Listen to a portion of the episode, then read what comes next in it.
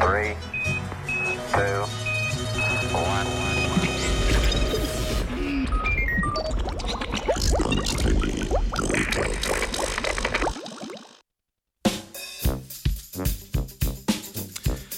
Zakaj so kiti tako veliki?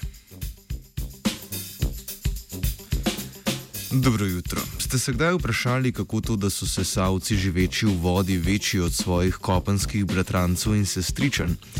Najpogostejši odgovor na to vprašanje je, da jim voda omogoča večjo težo, tako jim je zaradi vode prihranjeno nositi večjo težo na dveh ali štirih nogah. Raziskovalna skupina z univerz Stanford in Louisiana pa o tej razlagi ni bila tako prepričana. Zato so s pomočjo kompleksnih modelov preučili, zakaj so morski sesalci v resnici tako veliki. V raziskavi so uporabili teže tako še živečih morskih sesalcev, kot tudi mere iz fosilnih ostankov.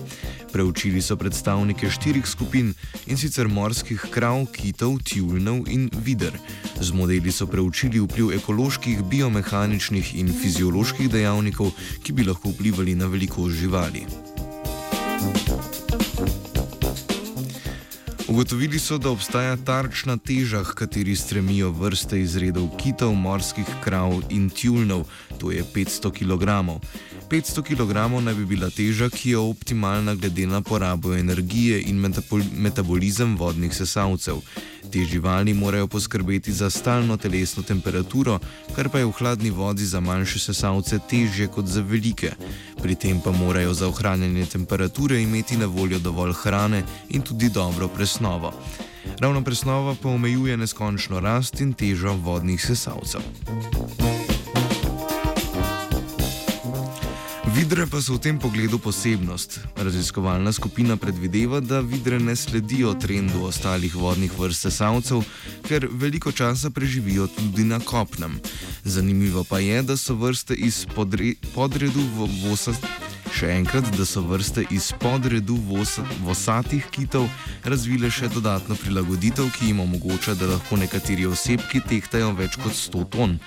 Ta prilagoditev so rožene plošče oziroma vosi v njihovih šeljustih. Skozi rožene plošče filtrirajo morsko vodo, pri tem pa se majhne živali in plankton ujamajo na resice in ščetine. S tem prihranijo energijo pri pridobivanju hrane, hkrati pa lahko zaužijejo veliko več hrane kot njihovi zobati sorodniki iz ostalih vrst kitov.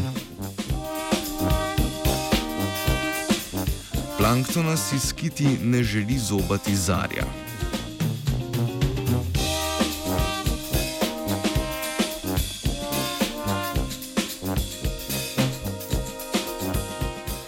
Ah, ta radio, kot staro vino je.